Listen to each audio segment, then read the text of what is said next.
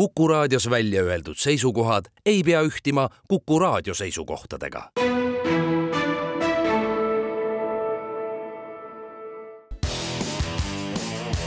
spordireporter. spordis kruvib pinget, Pahv üksteist ja kaheksa minutit saab kohe kell, täna on kahe tuhande kahekümne kolmanda issand aasta juulikuu kaheksateistkümnes päev. tere kuulama spordireporterit järjekorranumbriga kolmsada üheksateist. kuulama kutsuvad teid Järve-Lott Tallinn, Susi Joosep Tartu. Haaksõna spordireporter töötab Twitteris nii nagu ikka, selle kaudu on võimalik läkitada meile küsimusi, mõtteid, tähelepanekuid, millele vastamise võtame ette saate kolmandas osas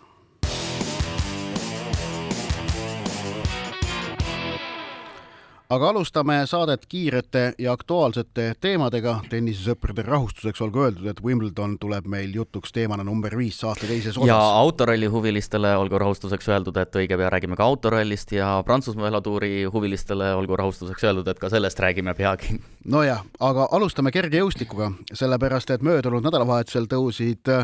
Eesti spordielu keskseks sündmuseks, julgen isegi öelda, Soomes Espos toimunud U kakskümmend kolm vanuseklassi Euroopa meistrivõistlused, kus Eesti sport sportlased esinesid äh, silmapaistvalt. Ähm, Eesti koondis võitis Espos kaks medalit, odaviskaja Kedli Tugi saavutas äh, hõbemedali tulemuseks viiskümmend seitse, kuuskümmend kaks, kusjuures kvalifikatsioonis oli ta saanud kirja koguni viiskümmend üheksa, üheksakümmend üheksa ning seitsmevõistleja Pipi-Lotta Enok äh, saavutas kuue tuhande kahe punktiga pronksmedali, mis on siis tema karjääri teine noorte tiitlivõistluste medal, kaks aastat tagasi U kakskümmend vanuseklassi maailmameistrivõistlustel võitis Enok hõbeda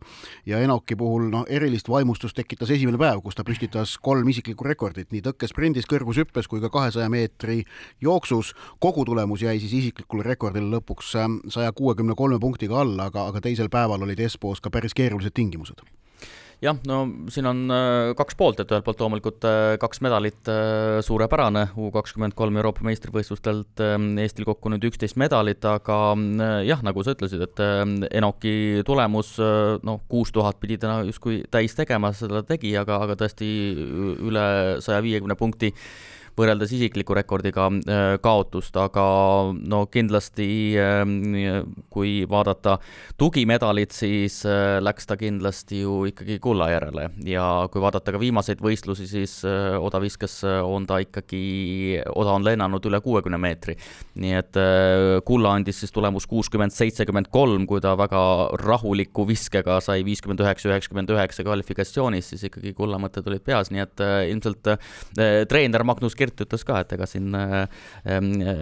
viske tulemusega rahule ei saa jääda. ehk et kumbki medalivõit ei olnud selline röögatu õnnestumine, vaid pigem noh, tulemus oli selline noh, ootuspärane no mõlemad läksid kindlasti medali järele jah ja., siin ei olnud äh, mingit küsimust. aga samas siin tuleb ikkagi rõhutada, et, et noh, me räägime noorte tiitlivõistlustest, need ei ja, ja see on teine asi kui hoopis teine asi kui täiskasvanud tiitlivõistlus, aga, aga ikkagi ka need äh, noh, medalivõidud ei ole midagi sellist äh, tavalist või, või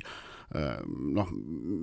asi, mis, mis alati peaks juhtuma, et kui eelmiste U kakskümmend kolm EM-ide peale kokku on Eesti võitnud üheksa medalit, siis ikkagi äh, säärane tiitlivõistlus, kus kaks medalit tuleb, on, on silmatorkav sündmus ning no kui me, kui me vaatame viimaste aastate äh, juuniorite tiitlivõistlusi või, või noorte tiitlivõistlusi, siis äh, medalisaak on meil päris korralik või et neid medaleid pudeneb ju, ju pidevalt, nii et olgu see isegi, ma ei tea, tõkkejooks või, või siis naiste kõrgushüpe õppe ja nii edasi. Nojah, aga jällegi siin vaatame, mida, äh, mida, kuidas öelda, kõrgemaks muutub vanuseklass, siis äh, seda kõnekamad, ma arvan, on ka medalid. Ehk et U kakskümmend kolm vanuseklassi tiitlivõistluste medal äh, näitab edasist karjääri silmas pidades rohkem kui U kakskümmend vanuseklassi medal, sellepärast et et noorte medalid üksinda teatavasti noh, täiskasvanute seas mitte midagi ei taga, aga mida kauem suudab see noor sportlane püsida mm, oma siis ütleme veel noorukeas maailma omaealiste tipule lähedal, seda suurem on tõenäosus, et ta ka täiskasvanute seas võib sinnani äh, lõpuks jõuda. aga, aga noh, ja lisaks veel ka teoshüppaja Marleen Mülla saavutas viienda koha. nii et äh, see oli Eesti vaatevinklist võetuna äh,, olid, olid, olid naised väga, naiskergejõustiklased väga selgelt esile tõusnud ja, ja noh, eks Enok ja ja tugi on nüüd võimalik äkki need, kelle suunas äh, hakatakse vaatama, et kas nad võtavad Xenia Baltalt üle selle mantli, mida Balta on noh, ligi viisteist aastat või rohkemgi veel tegelikult kandnud kui selline Eesti esinaiskergejõustiklane. nii et, nii et eks näis jaa, aga räägime kümnevõistlusest ka, sest ja, äh, tegelikult äh, meeste kümnevõistlus U kakskümmend kolm Euroopa meistrivõistlustel esiteks oli väga kõrgetasemeline. Ähm, võideti tulemusega kaheksa tuhat kuussada kaheksa punkti, kaheksa tuhat viissada kuuskümmend üks andis U kakskümmend kolm EM-il äh, hõbemedali. ütle no,, ütle võidutulemus palun korra veel. kaheksa, kuus, null kaheksa see on võimas ikka, jah. jah,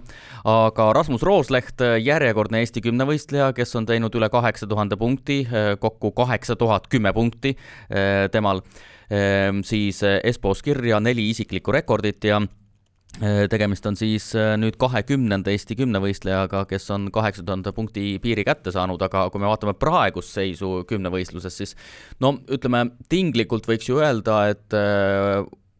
kümme Eesti kümnevõistlejat, kümme Eesti kümnevõistlejat võiksid olla võimelised tegema kaheksa tuhat punkti, et noh, kes on äh, täis teinud selle, lisaks Rooslehele siis äh, Uibo, Tilga, Erm, Õiglane, Rosenberg, Lillemet, Tšernjavski, eh, nemad on ära teinud, Hausenberg ilmselt eh, on, on selleks suuteline, no kindlasti on suuteline, eh, nii et no tuleb taaskord tõdeda, et täiesti hämmastav seis Eesti kümnevõistluses. tõsi, see kaheksa tuhande punkti piir iseenesest võib-olla maailma tippkümnevõistluses niivõrd palju otseselt ei ütle, aga jah, selle, selle mõju on ikkagi muutunud väiksemaks, sest et kui sa ütled ka, et kui meil U kakskümmend kolm EM-il võidetakse kuldmedal juba üle kaheksa tuhande kuuesaja punktilise tulemusega, siis siis ähm, kaheksa tuhande piir, mis äh, no üheksakümnendatel näiteks oli selgelt selline väga oluline kvaliteedimärk kümnevõistluses, ma, mul on tunne, et selle, selle väärtus on mõnevõrra kahanenud. Äh, noh, ütleme toona oli ikkagi niimoodi, et kui kaheksa tuhande punkti mees olid, siis, siis üldiselt olid tiitlivõistlustel peal noh, enam-vähem nii see käis. väga keeruline oli tiitlivõistlustelt välja jääda ja ma ei räägi ainult siin mitte sisekonkurentsi tõttu, vaid üldiselt. siis, siis noh, nüüd ju enam see niimoodi ei ole. et üldse huvitav, kus need kergejõustikus, kuidas need piirid on nihkunud, kas odaviskas kaheksakümmend meetrit ja kettaheites kuuskümmend meetrit, mis siis meestel on olnud minu meelest sellised noh, traditsioonilised kvaliteedimärgid, et sealt hakkab tõsine tulemus peale. et kas need on samamoodi paika jäänud, sest kümnevõistluse kaheksa tuhat vist enam niivõrd väga ei ole paigas jah, ma võin veel öelda, et siin kaheksa tuhat nelisada võib äh, tekitada situatsiooni, et võib-olla ei pääse peale no kümnevõistlusel tiitlivõistlustele, nii et äh, jah, seda küll, aga aga no vaata selle ala sügavust ikkagi, et äh, kui oleks kettaheites näiteks kümme Eesti kettaheitjat, kes sõidaksid üle kuuekümne meetri, no see oleks hämmastav, jah. vahepeal et, meil no, oli vist neli või neli meest ju oli vist vahepeal isegi jah, säärane olukord oli korraks no neli, kolme mäletan küll, aga, aga noh, ütleme jah, kolm-neli ja. äh, hästi, jah ehm,. aga see on jah, laiem, laiem teema, kui vaadata odaviset äh, jah, siis äh, vahepeal ju oli riburada pidi tuli esile äh, viskajaid, kes äh, ületasid üheksakümne meetri, aga tiitlivõistlustel tuleb ikkagi välja, et seal kaheksakümmend pluss natukene saad juba siin äh, lõppvõistlusele ja, ja.. aga kokkuvõttes siis seda kergejõustiku U kakskümmend kolm EM-i seda nädalavahetust võttes siis ma arvan, see andis Eesti kergejõustikule väga sellise meeldiva ja positiivse impulsi, järjekordne kinnitus, et äh, noori tegijaid peale tulemas äh, on ning, ning see on igal spordiala jaoks, äh, eriti kui on tegemist suure spordialaga. nagu kergejõustik, see on väga vajalik signaal, et selliste, selliseid kinnitusi aeg-ajalt tuleb, see tekitab tegelikult terve spordialas sellise suurema heaolutunde. noh, kahjuks muidugi kogu seda võistlusnädalavahetust rikkus ka üks selline negatiivne juhtum, kui kui ilmnes, et äh, treenerina tegutsemiskeeldu kandev Mehis Viru oli äh, Espos tribüünil ning noh, kõigi märkide järgi otsustades jagas mingeid juhtnööre seal ka oma õpilasele aga läheme edasi, teine teema, Eesti jalgpalliklubid jätkavad mänge eurosarjades, neli kohtumist peetud eurosarjades, mis meie saldo on? vaatame otsa, kolm kaotust, üks viik, üks värav. see viik Eks... oli null-null. viik, nojah, üks värav. FC Flora võõrustab täna meistrite liiga esimese eelringi korduskohtumises Poola klubi Šestohova, Ženstohova Rakuvit, avakohtumine Lõuna-Poolas kaotati minimaalselt null-üks no siin äh, murekohti vist äh, Floral on omajagu, lisaks sellele, et Senjov näiteks kaasa ei saa teha, mis oli varem ka selge, aga ka Kreida äh, sai avakohtumises vigastada ja kes teda võiks asendada, Luka näiteks on samuti alles taastumas vigastusest, aga vaatame teiste klubide saldole ka või tulemustele otsa. ülejäänud kolm meie klubi rahvusvahelisel areenil teevad kaasa konverentsi liigas, Paide linnameeskond oli ainus, kes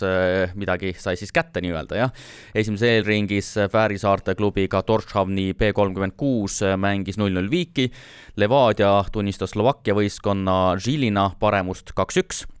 aga võõrustajad lõid võiduvärava alles nojah, viimasel üleminutil ja seda ka penaltist no Eesti karikavõitja Narva Trans äh, Jerevani Pjunikuga noh, eriti vastu ei saa, avakohtumine kaotati null-kaks, aga Narva Trans valdas äh, palli seitseteist protsenti mänguajast, nii et siin on no, siin, jah. seda kogu paketti tuleb nüüd vaadata minu meelest ühel aru saades, et kõik neli klubi pidasid oma esimese kohtumise võõrsil ning eurosarjas kodus võõrsil süsteemis mängides niimoodi, et avamäng on väljas, on üldjuhul ülesanne tulla koju tagasi tulemusega, mis jätab sellise noh, natukenegi adekvaatse või noh, sõltuvalt vastasest, jätab, jätab lootuse edasipääsu püüda. neljast Eesti klubist kolmel on see lootus minu meelest säilinud. Narva Transi šansid ma ikkagi kirjutan sedavõrd väikeseks, et neist ei tasu rääkida, et noh, loota, et nad võidavad kodus Punicut kahe väravaga, äh, see tasemevahe on liiga suur, seda lihtsalt ei juhtu. Äh, aga ülejäänud kolmest klubist, noh, Paidel Fääri saarte klubi vastu pärast võõrsil tehtud null-null viiki kodus, no on ikkagi selge eelis peaks olema Äh, Fääride klubid on üldiselt need, kes mängivad kodus palju paremini kui võõrsil ja Paidel võimete avamisest äh, minu meelest võõrsil jäi ikkagi omajagu puudu. tõsi, äh, halb uudis on see, et Robbie Saarma murdis võõrsil mängus rangluu, mis on, mis tähendab, vähendab Paide ründevõimekust. nüüd ma arvan, et Levadia, kui Levadia suudab mängida välja oma võimed enam-vähem adekvaatselt, siis nad saavad sellest Slovakkia satsist ähm, jagu ja, ja see tähendab, et noh, lisaaeg on vähemalt tagatud äh,. sest et, ähm, et minu meelest see Žilina ei jätnud, ma kohapeal seda mängu vaatasin, ei jätnud mulle üldse niivõrd äh, tegusat muljet, kõige keerulisem neist kolmest satsis, kelle lootus on, on muidugi Flora seis, sest et see Džestohova Rakov, valitsev Poola meister, on lihtsalt noh, tugev võistkond. ehk et kui Flora koosseisu probleemid tõesti on tuntavad, siis noh, Poola meistril oli ka probleem, neil sai esiründaja vigastada, mis nad tegid, ostsid poolteist nädalat tagasi pooleteist miljoni eest endale uue ründaja. no see nagu näitab seda, kuidas öelda, mm, taset, kus opereerib see Tšestohova Rakov, aga null ühe pealt saab mängida, tuleb Flora peab õnnestuma ja, ja kaitses, kaitses peavad asjad klappima, siis on varianti jah äh,, nagu väga hea analüüs, et kaitses peab hästi mängima ja ka, ja ka ründes peab hästi äh, ei, mängima. ei, no, no. ei, aga ei, ma, ma, ma olen nõus sinuga, et äh, kõik on õhus, aga, aga noh, minu selline pakkumine on ikkagi, et äh, noh, sisuliselt sama, mis sa ütlesid, et Paide on ikkagi Fääride vastu kerge soosik, aga no ikka suur tõenäosus on, et Flora läheb äh, siit Äh, konverentsiliigasse ja, ja Levadia eurosarja hooaeg lõpeb. selles, et Levadia, et see on suur tõenäosus, et Levadia oma lõpeb, ma ei ole nõus sellega, ma arvan, et Levadia šanss edasi pääseda on mingi nelikümmend protsenti vähemalt. Flora oma on jah, selgelt väiksem, aga Flora puhul tõesti on siis see, et kui nad Rakovile kaotavad, nende eurohooaeg ei lõppe, nad saavad teise võimaluse, sest nad on valitsev meister. ja ma lihtsalt äh, selle teema lõpetuseks äh, soovitaks ühte lugemist sinu koduväljakul Sokkerneti portaalis on ilmunud lugu, mis teeb väga väga põhjaliku kokkuvõtte Eesti klubide eurosarja ehm, kohtumistest statistiliselt üldse ehm, kogu taasiseseisvumisperioodi vältel ja, ja väga kõnekas ja sisukas lugu nii, aga me läheme teemadega edasi ning räägime Tour de France'ist ning võrreldes nädalataguse seisuga pole Tour de France'il muutunud sisuliselt mitte midagi. kui me nädal aega tagasi spordireporteri saadet tegime, juhtis Tour de France'i Jonas Vindega, Vingegaard, äh, tiim Jumbo-Visma jalgrattur, kelle edu äh, tiim Emiratesi sõitja Tadej Pogačari ees oli seitseteist sekundit, noh, nüüd on see kümme sekundit ehk et ka nädala aja jooksul on, on muutust olnud seitsme sekundi jagu. ma saan aru, et Tour de France kulgeb väga igavalt ja üksluises võtmes nojah, eh, kindlasti mitte, et eh, tänavune Prantsuse velotuur on hämmastavalt põnev olnud. Eh, sellele, see oli, see, see oli minu, ma tegelikult olen ise ka ikka jälginud, tegelikult muidugi see on olnud väga põnev, aga, aga lihtsalt natukene kummaline on, et selle kogu põnevuse juures, mis iga päev seal Tour de France'it välja vaatab, on see üldseis noh, pea muutumatu, seitse no. sekundit on muutunud asi. tõsi, äh, jälitajad on väga kaugele jäänud, ehk et kui toona oli, oli Vingegaardi edu kolmandal kohal sõitva ratturi ees mingi kaks pool minutit, siis praegu kolmandal kohal on Carlos Rodriguez ja tema kaotab juba viis kakskümmend üks. Jah, ja kusjuures Rodriguez'est räägitakse väga palju, lihtsalt üks selline ääremärkus, et sel päeval, kui Messi äh, liitus äh, siis Ameerika Ühendriikide klubiga, siis Marka esikaanel oli Rodriguez hoopis, et ta on ikkagi suur staar. Ja kolmanda koha heitluses on, on, on pinget palju ja aga mis need ka..., ja aga ma saan aru, kolmanda koha heitlus on üks see kõrvalnarratiiv, mis Tour de France'il praegu äh, tähelepanu püüab, aga no ikkagi see Vingegaard-Pogacar duell, kus nad iga päev seal mägedes teineteisele pihta annavad ja siis koos üle lõpujoone veerevad, see on fenomenaalne no, vaatamine. no, no võib-olla jah, selline noh, hea sümboolselt väga väärtuslik või sümboolselt väga ilus oli just nimelt see, eile oli see, see puhkepäev, äh, viieteistkümnes etapp üleeile, äh, kus tõesti ühelt poolt äh, Vinegor natukene ründas, Pogacar ründas ja lõpus nad kahekesi koos tulid üle finiš, finišijoone ja vist ma arvan, et kümme-viisteist sentimeetrit oli nende vahe pärast seda, kui nagu kakssada kilomeetrit on vist on ju enam. ja korralikes mägedes aga, aga tõesti, et mis on Prantsusmaa velotuuri tänavuse aasta trassi eripära on ikkagi see, et võrdlemisi kiiresti mindi kohe ju mägedesse. jah, suhteliselt kiiresti mägedesse, ehk siis äh, ei olnud nii, et äh, siin no viies-kuues etapp olid mägietapid, esimene ja. nädalavahetus sõideti, enne esimest nädalavahetust olid juba mäed käes. ja, ja seal rünnati korralikult ja seal ikkagi see äh, kahe suurfavoriidi vaheline duell oli, oli, oli kogu aeg kohal ja siis ka viimased etapid, siin neliteist, viisteist etapp, kõik on olnud väga põnevad, kogu aeg ikkagi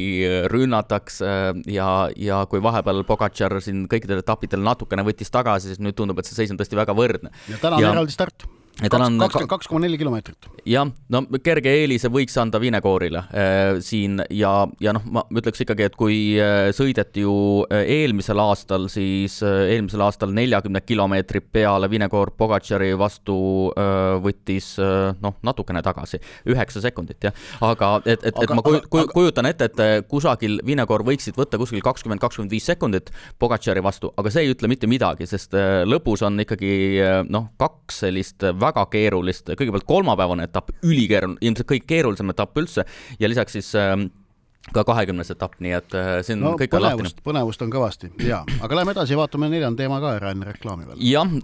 sel nädala lõpul mürisevad mootorid Lõuna-Eesti teedel. jah, autoralli maailmameistrivõistluste hooaja kaheksas etapp Eesti ralli öö, seisab ees. pärast seda ongi jäänud hooaja lõpuni viis rallit, nii et vaatame kõigepealt sportlikku poolt, eks me jõuame rääkida saate vältel nendest muudest tasanditest veel, aga, aga siis seitsme etapi järel Kalle Romandperal kirjas sada nelikümmend punkti, Evans kaotab kaotab neljakümne ühe, Ogier neljakümne kahe punktiga, Ott Tänak samuti neljakümne kahe punktiga, nii et vahe on kärisenud juba päris, päris suureks, Ogier kaasa ei tee Eestis. ma arvan, et int-, intriig, mis Rally Estonia eel MM-sarjas ähm, on, seisneb puhtalt küsimuses, et kas äh, pärast äh, Rally Estoniat, kas esmaspäeva hommikul on maailmameister peaaegu täitsa selge või veel ikkagi ei ole, ehk et kas Rompera MM-tiitel muutub eeloleva nädalavahetusega tõenäolisemaks või mitte. selleks, et ta muutuks vähem tõenäolisemaks, peab vahe ikkagi vähenema ja noh, kuidas öelda, selgelt. Ehm, ning, äh, ning samas on muidugi küsimus, et kes üldse suudab Romamperale äh, vastu saada, kui Elfin Evans on tema võistkonnakaaslane, äh, Ogier kõiki rallisid ei sõida, Tänaku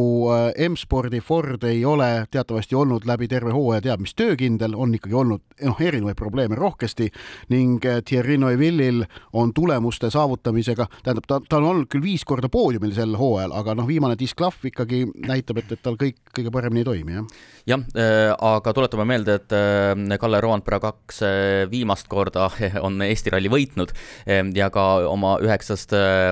MM-sarja etapivõidust esimese pälvis ta just nimelt Eestis äh,. kui vaadata tänavust hooaega, siis on ikkagi väga keeruline vaadata või näha, et Roandperale keegi vastu saab, puhtalt vaadates lihtsalt tema stabiilsust. teine, neljas, neljas, esimene, kolmas, teine, kogu aeg stabiilselt seal eesotsas nopib punkte, nopib ja, punkte. aga ja..., aga, aga no ikkagi ühe korra Roman, näiteks Rompere katkestab mingil põhjusel Eestis ja, ja selja tagant keegi võtab kakskümmend viis pluss viis,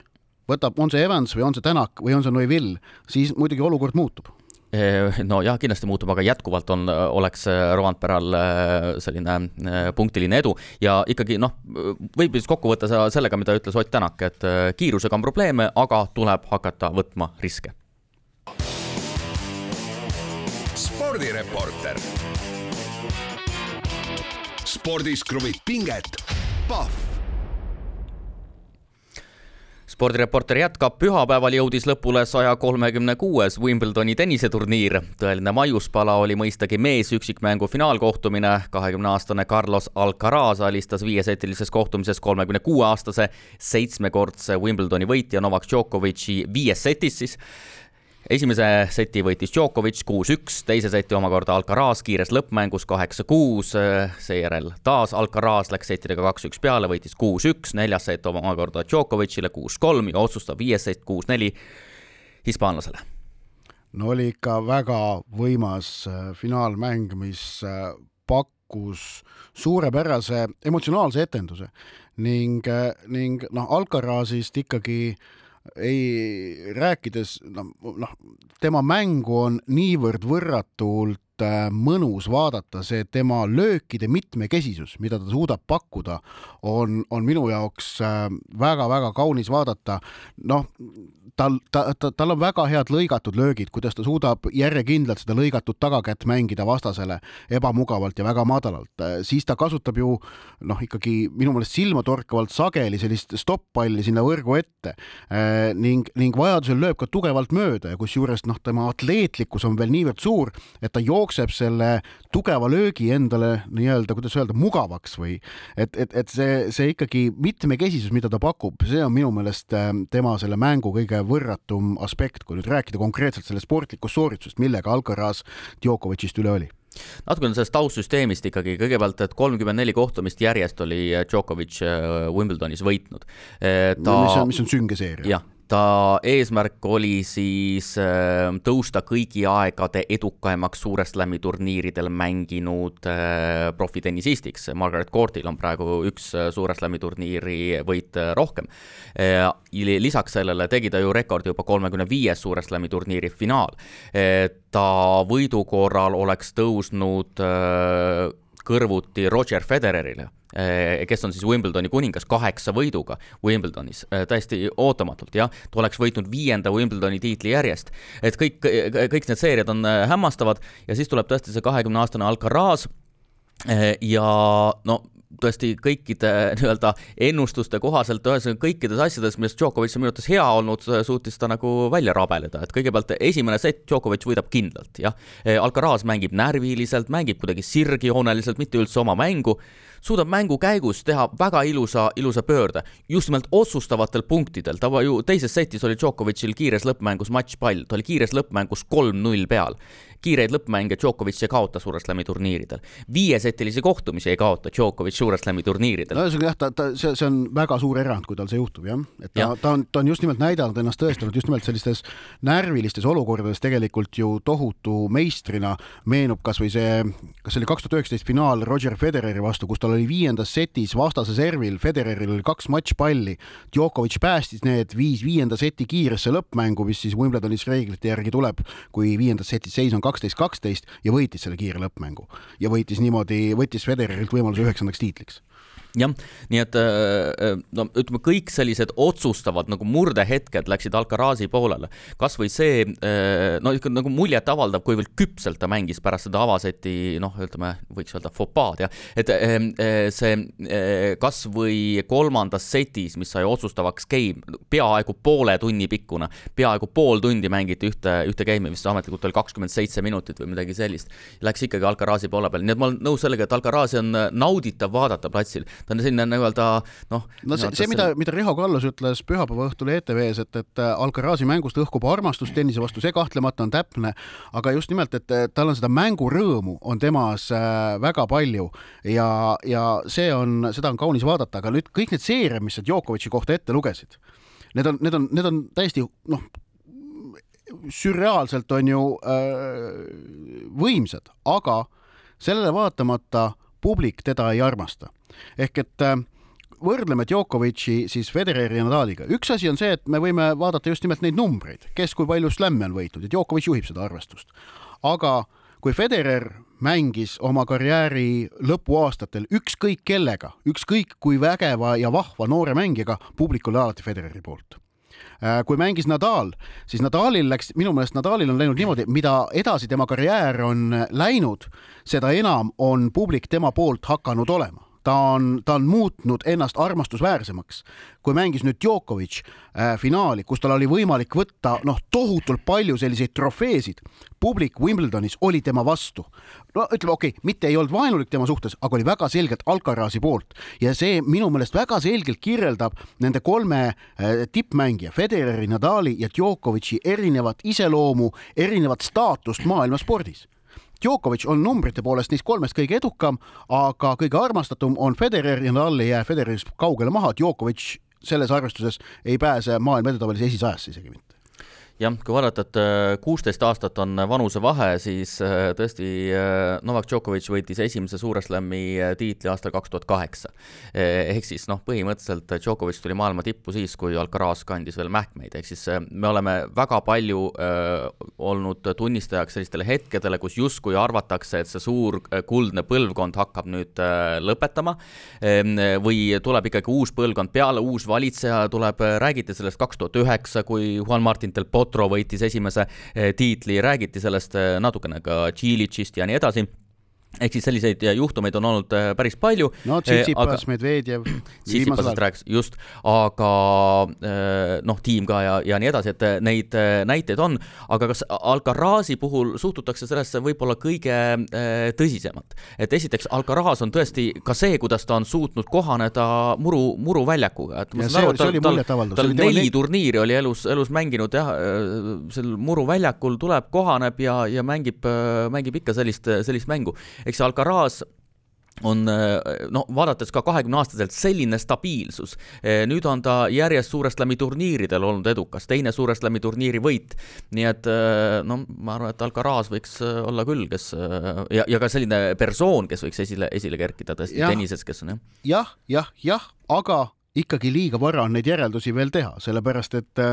et noh, see suurus, milleni kolm vägevat vaala küündisid, on, on praegu kõige sellega, mida Alcaraz on praeguseks saavutanud, ikkagi eh, noh, need, need suurusjärgud on väga teistsugused jah, aga äh, põgus äh, pilguheit ka naiste turniirile, kus äh, no ma vaatasin seda naisüksikmängu finaali, kus tõesti ajaloos esimest korda siis tuleb asetamata mängija ja võidab turniiri, aga, aga noh, tuleb ikkagi mängija, kes,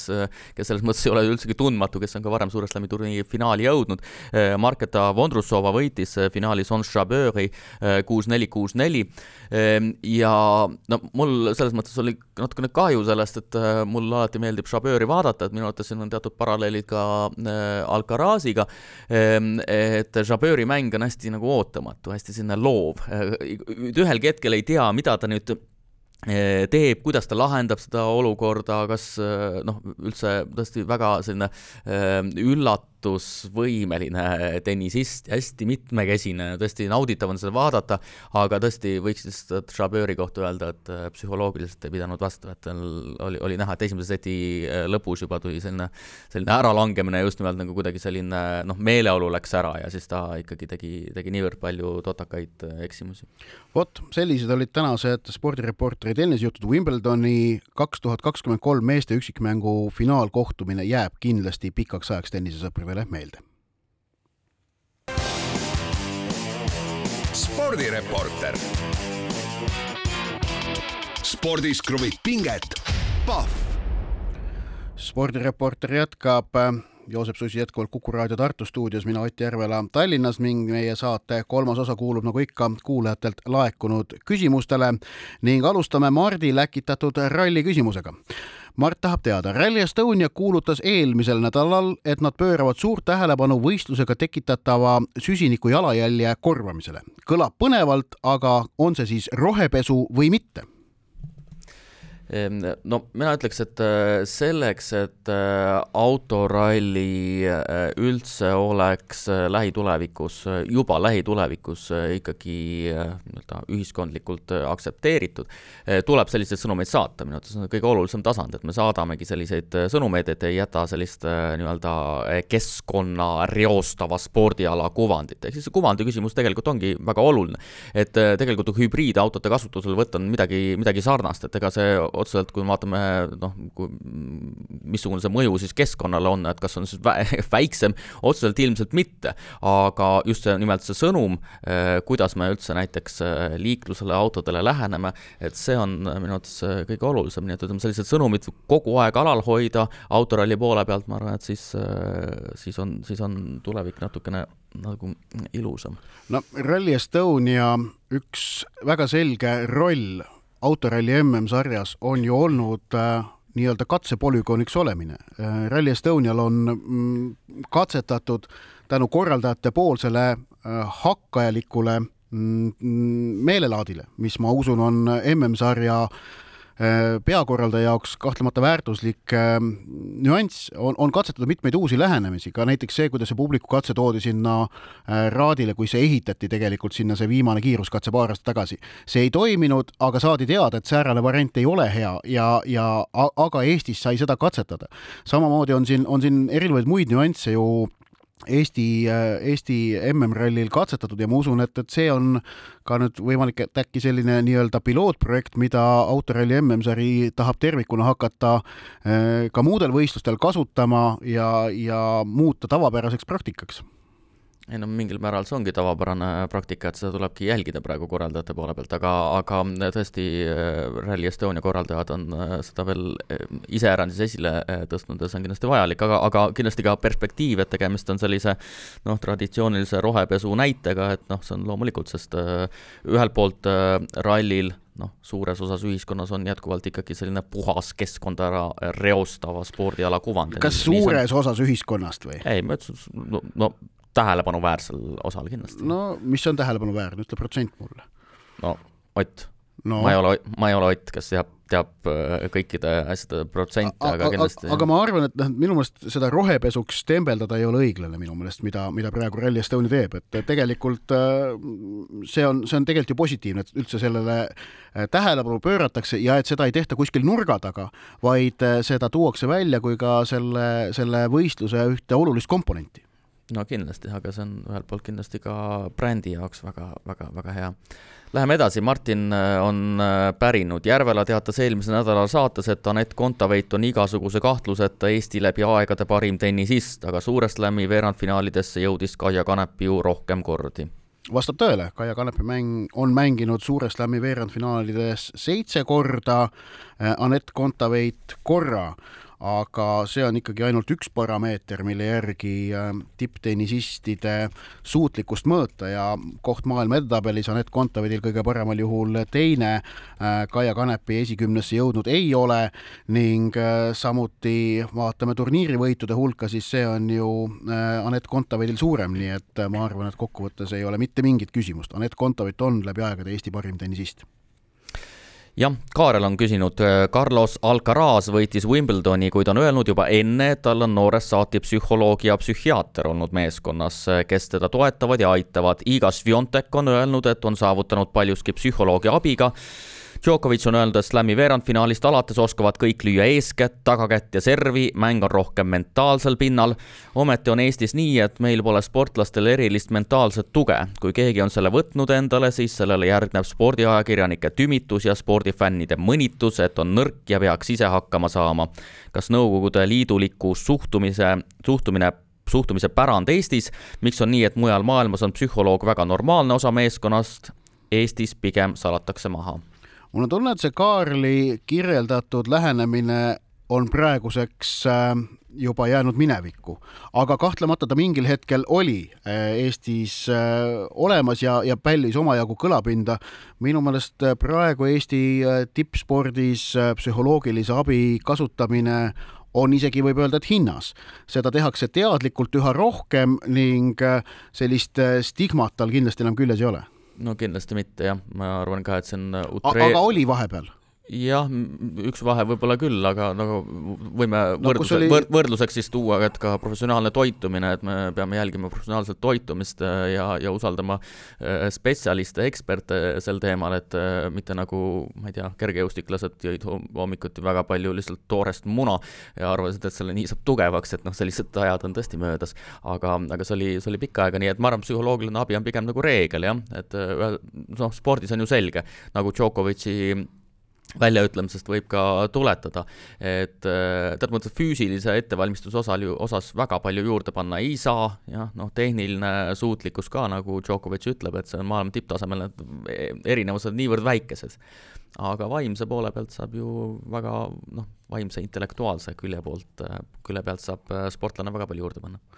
vot, need olid täna kuulajate küsimused, teeme väikese pausi ning siis räägime naiste jalgpalli maailmameistrivõistluste mõjust ja rollist maailmaspordis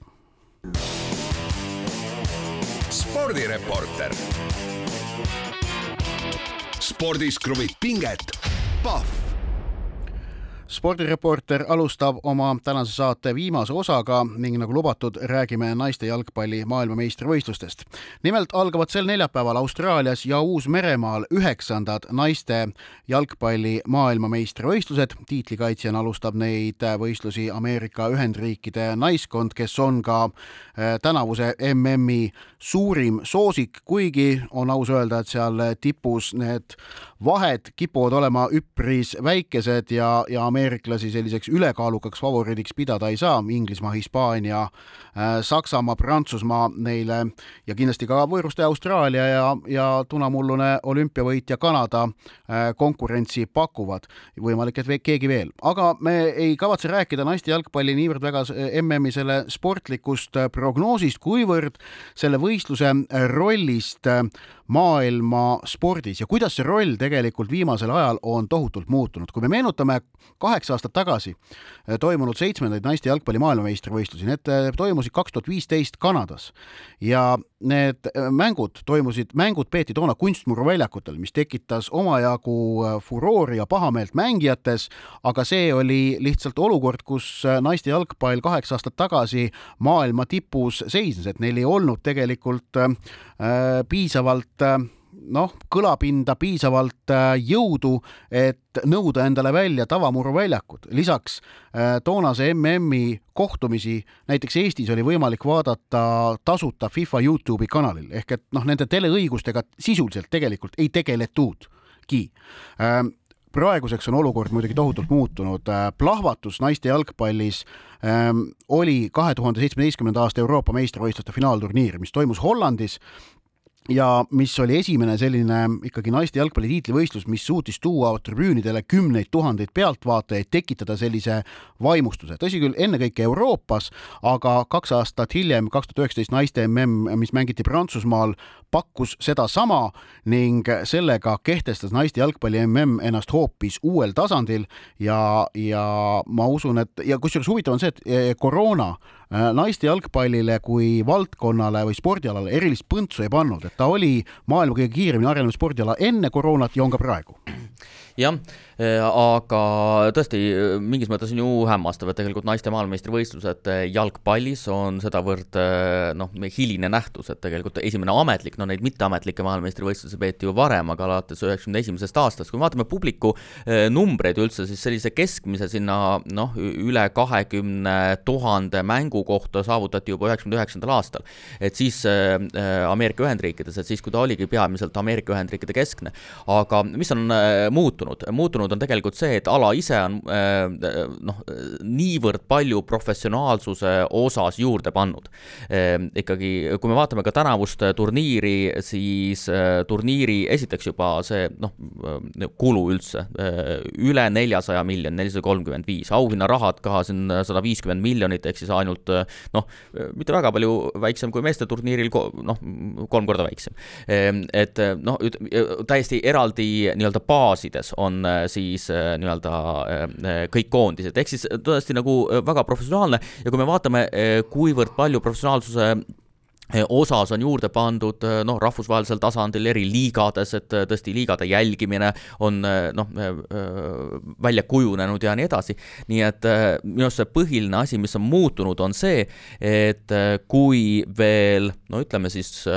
nullindate lõpus oli no naiste jalgpall selle nii-öelda põhijalgpalli mingisugune lisandus, siis järk-järgult on naiste jalgpall muutumas autonoomseks. päris sellist autonoomsust ehk siis sõltumatust meeste jalgpallist loomulikult ei ole saavutatud, sest ikkagi suur osa kui vaatame ka tippklubidest, on ikkagi otseselt seotud äh, meeste jalgpalliga, aga ikkagi selline autonomiseerumine on aset leidmas. Täisautonoomsust tegelikult ei taot-, ei tahetagi saavutada, ma usun, et, et see, see sünergia, sünergia hoidmine meeste jalgpalliga on naiste jalgpalli jaoks vajalik, aga küll aga on autonoomsuse suunas väga oluline samm see, kuidas nüüd selle algava MM-finaalturniiri kommertspoolega on tegeletud. esimest korda on naiste MM eraldi müügiobjekt. Äh, siiamaani kuni ka veel kahe tuhande üheksateistkümnenda aasta naiste mm Äh, selle teleõigused läksid nii-öelda Brežnevi pakikesena kaasa meeste MM-iga, et äh, ostke meeste MM-i teleõigused ja me anname naiste omad teile ka veel kaasa. nüüd esimest korda müüs FIFA naiste MM-i teleõigusi eraldi. tõsi, nad ei saanud kaugeltki mitte Euroopa suurtelt turgudelt kätte äh, soovitud ja loodetud summasid, mis minu meelest ja FIFA süüdistas seal nüüd Euroopa tippriike silmakirjalikkuses, minu meelest oli loogiline, et need summad olid väikesed, sellepärast et tegelikult müüdi ju, müüdi ikkagi põrsas kotis. keegi ei tea täpselt, mis on selle naiste MM-i kommertsväärtus, sellepärast et teda, seda ei ole kunagi varem niimoodi eraldi mõõdetud. Äh, nii et ähm, selle tõttu on, on sellel algaval MM-il ka oluline verstaposti staatus, et ta peab, äh, paneb paika sellise Äh, taseme, kust edaspidi naiste jalgpalli tippturniire kommertsmõttes äh, saab, saab müüa ja turundada. Äh, see on, see on see üks oluline nüanss selle algava MM-i puhul. sportlikult siis tuleb rõhutada, et esimest korda kolmekümne kahe koondise osavõtul mängitakse nüüd MM. seal ma näen selget riskikohta, et tasemevahed alagrupis muutuvad veidikene liiga suureks ja kui eelmisel MM-il oli väga põnev see, et mängiti alagruppides kolmandaks tulemise peale, kuna neli paremat kolmandat kohta said ka äh, kaheksandikfinaali. seekord seda nüanssi pole jah, ma lisan siin äh, sellise isikliku perspektiivi juurde, et äh, minu jaoks esimene, ütleme, MM-finaalturniir, mida ma selgemalt nagu pikemaajaliselt ja, ja süsteemselt vaatasin, jah, oli Prantsusmaa turniir kaks tuhat üheksateist, ehk siis just nimelt eelmine turniir, kus sa härra Järvela isegi kohapeal käisid, jah? jaa, poolfinaalides äh, kajastasin kohapealt, jah. ja, ja, ja mind on ikkagi nagu hämmastanud üldse viimastel turniiridel, et kuivõrd äh, palju on muutunud naiste jalgpall, ehk siis ta on muutunud äh, ikkagi, see mäng on väga põnev. jaa ja, ja, absoluutselt, At atleetlikkus, atleetlikkus on, on väga kõrgel tasemel sportlastel. et, et ma mäletan seda selle nullindate alguses, kas, kas need Ühendriikides toimunud MM ja nii edasi, et ma nagu põgusalt vaatasin, aga see, see mäng ei jätnud nii nagu huvitavat muljet, eks mäng ise on väga palju muutunud ja väga palju põnevamaks paremaks. ja, ja kusjuures äh, minu enda äh, osas on nagu kummaline see, et ma olen näiteks hakanud täiesti ootamatult jälgima ka üleminekuid naisteklubi jalgpallis mm. -hmm. Inglise kõrgliigas vähemasti, et, et noh, mingid mängijad ikkagi noh, Unitedi, Arsenali mängijad ma tean laias laastus, kes seal mängivad. ja kokkuvõttes see naiste jalgpalli areng on tähendanud ka seda, et naiste MM on tõusnud võistluseks, mis suudab esile kutsuda teatud ühiskondlikke protsesse. ma meenutan kahe tuhande üheksateistkümnenda aasta MM-i, kui Megan Rapinoe, USA naiskonna liider, läks läks ju selle MM-i ajal avalikku konflikti toonase Ameerika Ühendriikide presidendi Donald Trumpiga.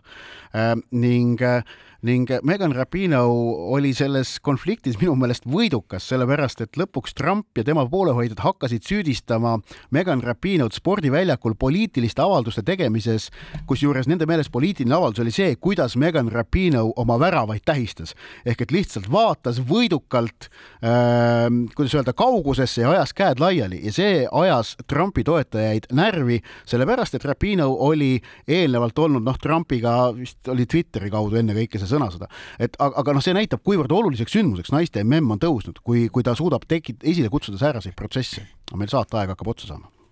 Läheme soovituste juurde, mina soovitan äh, jälgida seda, mis leiab aset Jaapanis, nimelt neljateistkümnendast kolmekümnenda juulini äh, leiavad aset siis, äh, võiks siis eesti keelde tõlkida veealade maailmameistrivõistlused, nende hulgas on siis ka ujumise maailmameistrivõistlused ja Eesti Televisioon ka alates pühapäevast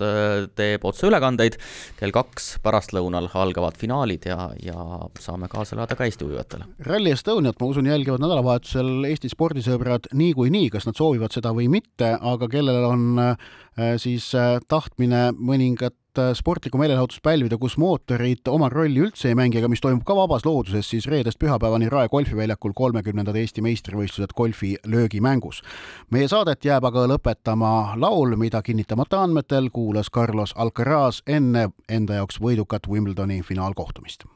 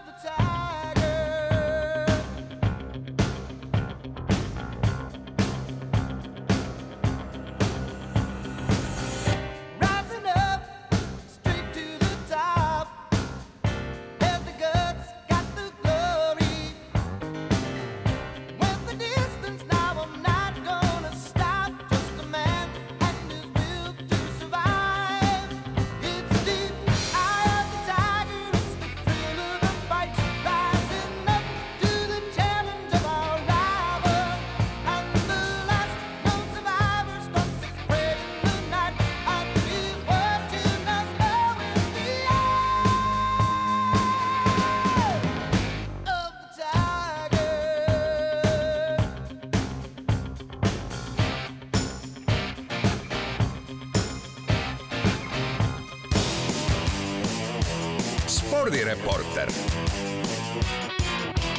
spordis kruvib pinget, Pahv